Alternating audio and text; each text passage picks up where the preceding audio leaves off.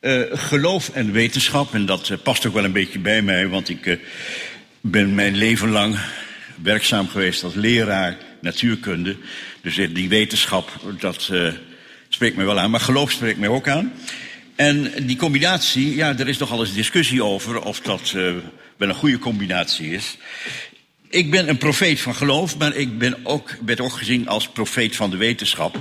Want uh, de natuurkunde, ja, dan leer je hoe alles eigenlijk in elkaar zit. Tenminste, zo hadden de leerlingen het, eh, als ze dan, uh, als een jongetje van 14 voor het eerst natuurkunde hadden, van die Harry, Harry Potters, die heel nieuwsgierig waren, zeiden, en meneer, hè, eindelijk natuurkunde, nou zullen we eindelijk weten hoe alles in elkaar zit.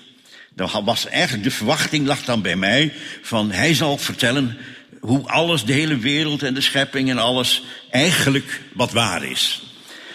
En uh, eigenlijk uh, heb ik mijn best gedaan om uit te leggen uh, dat niemand weet hoe alles in elkaar zit en dat ik dat niet kan uitleggen en dat geen enkele wetenschapper ooit in staat zal zijn om uit te leggen hoe alles in elkaar steekt. Uh, alles heeft te maken met uh, wat ik hier uh, voor heb staan, Spreuken 1 vers 7. Dat is eigenlijk de kerntekst.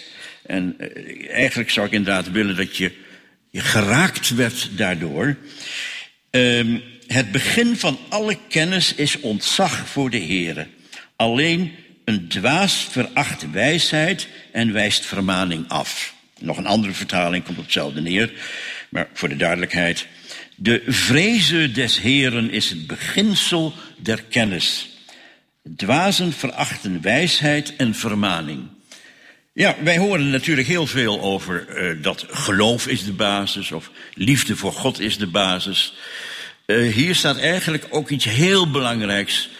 Uh, dat is de, het respect, de eerbied voor God. diep in je hart. Dat is de basis van je leven, van je kennis. En heb je dat niet, heb je geen diep respect voor God, dan ben je dom.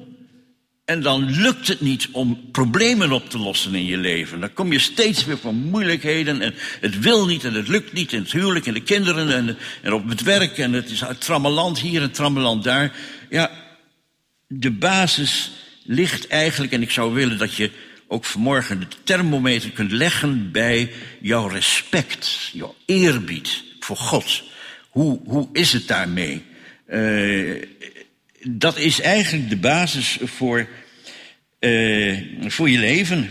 En je kunt ongelooflijke domme dingen doen en, en, en geloven als je dat loslaat. als je en ik eh, neem even de volgende tekst daarbij. Ja, Job. Uh, er staan natuurlijk heel veel voorbeelden in de Bijbel daarover. Maar ik heb even Job eruit gelicht. We kennen de geschiedenis wel dat Job die dacht ook wel een heleboel te weten over God. En dat wist hij ook wel. Uh, en toch op een gegeven moment zag hij het niet meer zitten. En, en, en, en lukte het niet en had hij geen wijsheid om het leven aan te kunnen. En, en, en allemaal vragen en, en, en opstand tegen God. En dan uiteindelijk laat God zien hoe groot hij is en hoe klein of Job is. En dan gaat hij over de schepping vertellen en over ja, van allerhande uh, natuurverschijnselen, uh, zodat Job begrijpt hoe klein hij is en zodat hij ook begrijpt hoe groot God is. En dan komt er een nieuw inzicht in Job 42. Um, toen antwoordde Job de Heere en zei, ik weet dat u alles vermag en geen plan is onmogelijk voor u.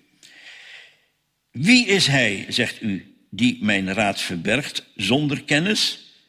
Zo heb ik verkondigd wat ik niet begreep. Dingen die te wonderlijk voor mij zijn en die ik niet weet. Ja, hij komt dus tot de ontdekking dat hij eh, het verkeerd gezien had in zijn leven. Uh, hij komt nu tot de ontdekking, eigenlijk door dat hij zichzelf zo nietig en klein ziet en God zo groot ziet, komt hij tot een heel nieuw inzicht over God. En um, ja, dat is eigenlijk iets ja, die weg van Job zou ik natuurlijk niet iedereen willen aanraden. Dat iedereen dat moet ondergaan. Maar toch, dat besef dat dat indaalt, dat je daardoor geraakt wordt. Uh, hoe klein jij bent en hoe groot God is. Ja, dat geeft enorme inzichten. En enorme wijsheid ook om het leven aan te kunnen. Uh, natuurlijk je hebt een idee van God en soms loopt het helemaal anders en snap je helemaal niks van God. Ik kan me herinneren, even een voorbeeld noemen. Misschien 15 jaar geleden, hier ook in de gemeente, dat we met de jeugd zouden we naar India gaan. En er was gebeden een jaar lang en er was uh, ingezameld en geld en het lukte allemaal. En het leek allemaal gebedsverhoring. En op het allerlaatste moment uh, stonden op het vliegveld met een hele club en toen uh, ging het visum niet door. En het was natuurlijk, ja, ineens was het ook huilen bij sommigen, maar onbegrijpelijk. Waarom, waarom, waarom, waarom, hoezo, wat? Het ging allemaal zo uh, voor als we verwacht hadden en dan komt het zo'n teleurstelling. Ja, dan heb je nodig je kleinheid te zien en, en, en Gods grootheid te zien. Anders kun je daar niet mee omgaan. En uh, ik weet dat uh, er zijn sommigen die hebben daardoor toch een behoorlijke knauw gekregen in hun geloof. Dat hoeft niet. Je kunt ook je zo vernederen en zeggen van ja, het is goed, God, dat u mij vernedert. Het is goed dat ik het niet begrijp. Het is goed dat ik uh, helemaal ontredderd ben. Dat is goed voor mij. Ik moet daarvan leren. Dat, dat kun je vernederen. En je kunt daar respect voor God uithalen. En dan krijg je ook wijsheid om ermee om te gaan. En eh, zo kun je natuurlijk veel voorbeelden noemen. Um, ik heb uh, hier een paar plaatjes. En daarmee wil ik eigenlijk laten zien dat. Uh, nou, ik zal het eerst even laten zien. Deze is wel een beetje bekend, denk ik. Uh, hoe je naar dingen kijkt. Nou ja, wat ziet u? Nou ja, dat zal, ik denk, heel verschillend zijn. Of je ziet een jonge vrouw, of je ziet een oude heks.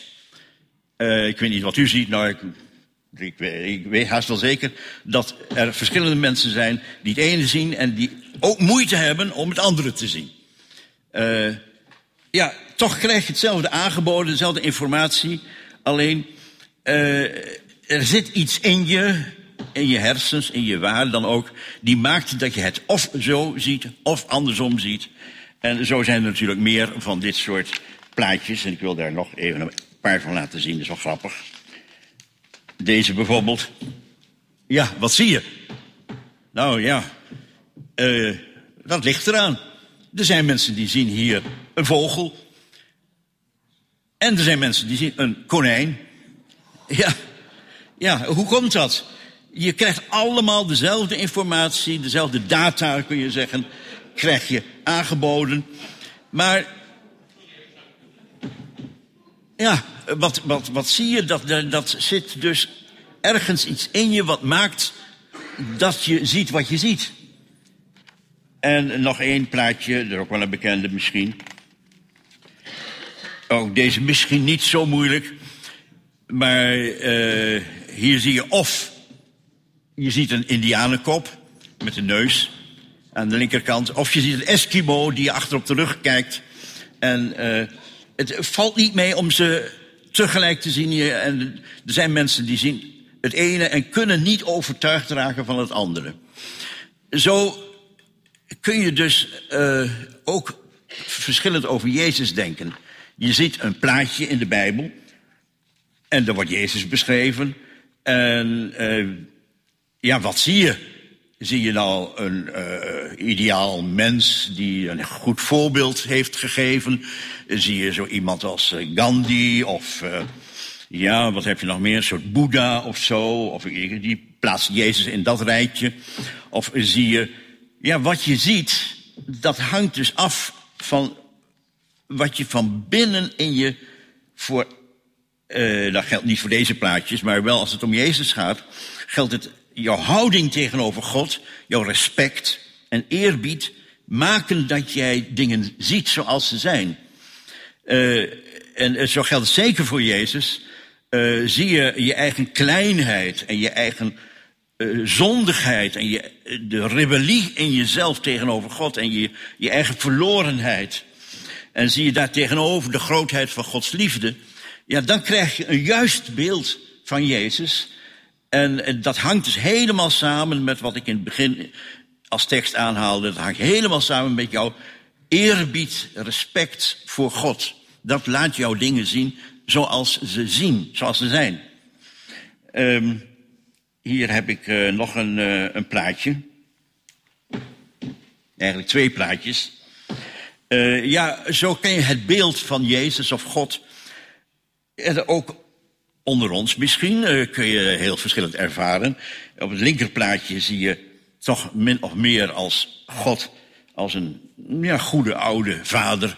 En jij als kind op schoot. En uh, ja, uh, het knuffelkarakter van God, dat spreekt hier wel heel erg uit. Ik heb daar ook, ik weet niet of ik kan lezen, staat bij lied uh, 581 of 616, dat spreekt daarover van op, op schoot bij God, geloof ik. Hè? is zo'n zo'n zo'n zinsnede in dat lied. Of neem mij in uw armen, til mij op, houd mij dicht tegen u aan. Ja, je maakt God, ja, is dat nou slecht? Ik weet niet. Maar je maakt het wel tot een hele knuffelbaar figuur. Is dat zo? Als ik hier dat andere plaatje daarnaast bekijk, dan zie je hoe Johannes in openbaringen een ontmoeting had met Jezus. En dan uh, ziet hij iemand met een gezag, in wit gewaad, met ogen als een vuurvlam. Ziet hij wandelen tussen kandelaren en daar is dus een respect en een eerbied. En uh, ja, dat is eigenlijk in onze tijd niet zo modern. Wij hebben liever een beetje God achter op de bragedrager en dan kunnen we mooi met hem praten en zo. En dan, uh, ja, ook nog liefst uh, op zijn schoot. Til mij op en draag mij in uw schoot of zo. Dat, zingen we, dat vinden we fijner. Dat, uh, maar is dat ook? Geeft dat een juist inzicht? Maak je dat volgens spreuken, wat ik gelezen heb, geeft dat zoveel respect dat je het juiste inzicht hebt in God en dat je niet afdwaalt in, in dommigheden. Want ja, we kunnen allemaal afdwalen en verkeerde beelden krijgen van God. Ik denk, ik kies, als ik moet kiezen, kies ik voor het rechterplaatje. Ik denk dat dat bijbelser is. Je ziet ook als Jezus verschijnt, ook als hij opgestaan is, dan is dat geen uh, verschijning met zijn discipelen van, oh, uh, lekkere vrienden. Uh, nee, er is dan een, een soort afstand, een soort heilig respect tegenover Jezus. En dat hebben we allemaal nodig. Dat we die, die houding hebben van eerbied en respect tegenover God.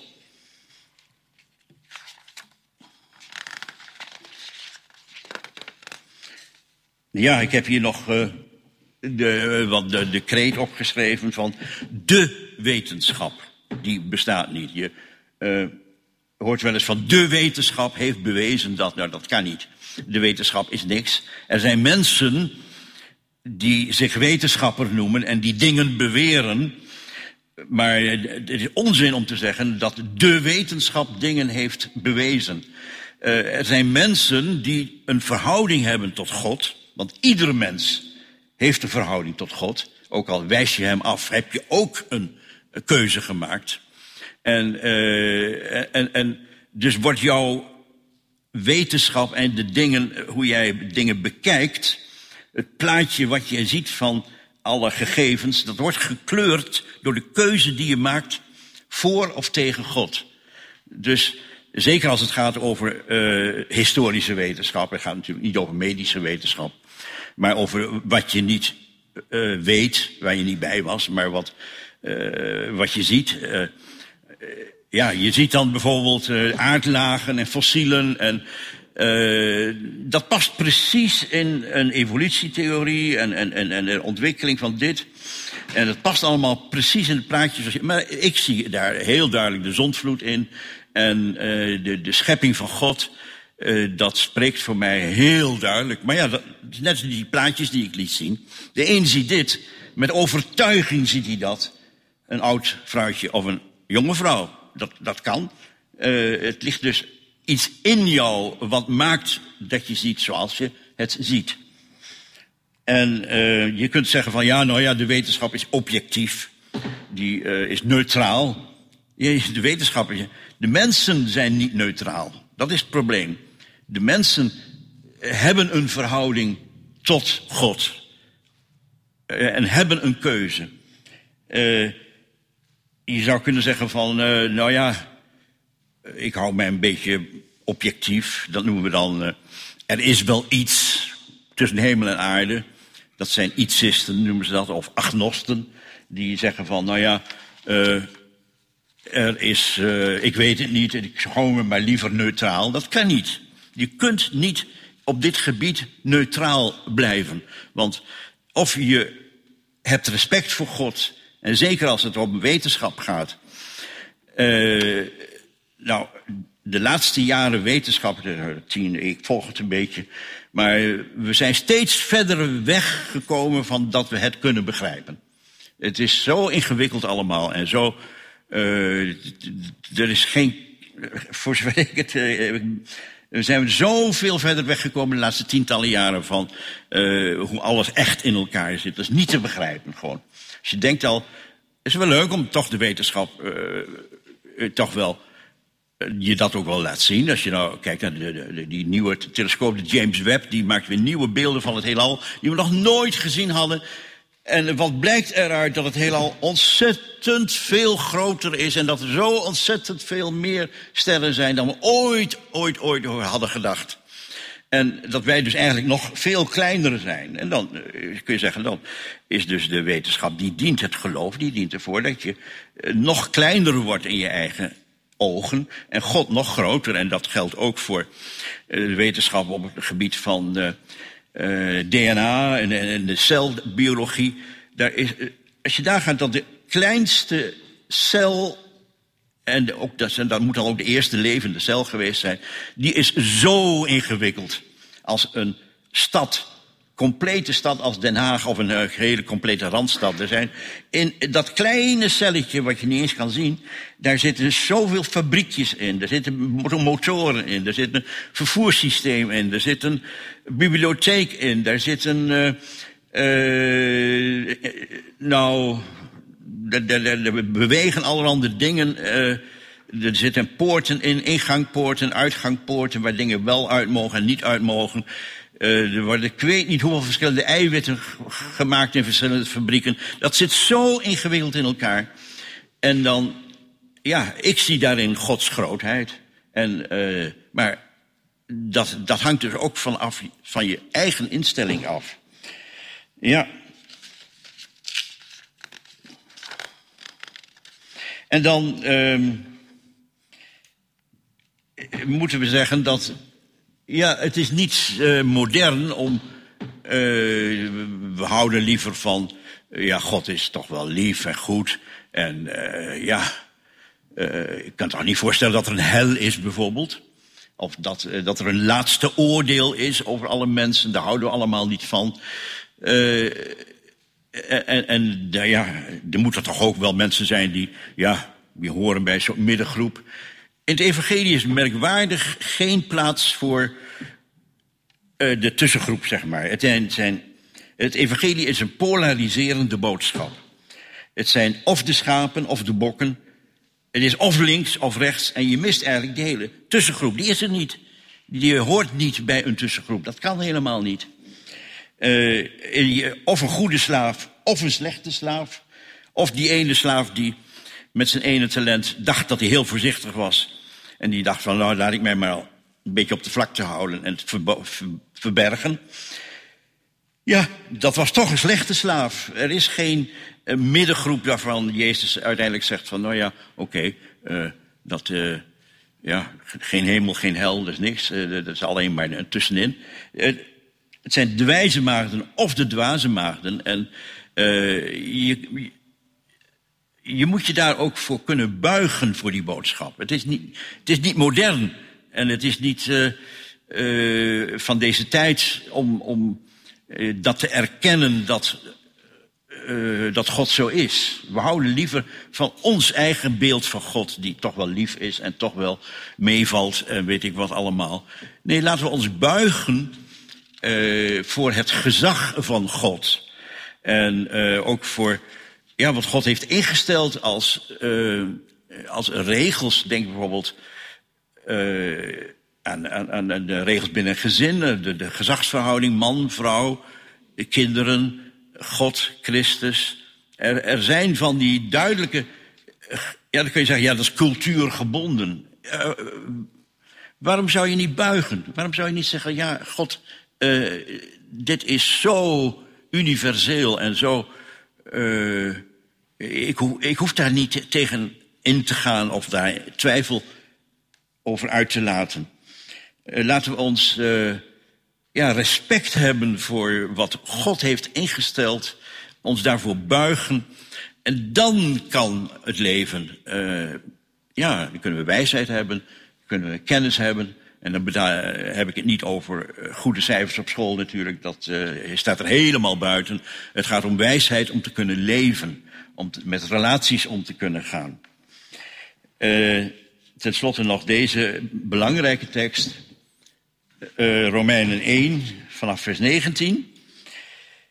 Omdat wat van God gekend kan worden, hun bekend is.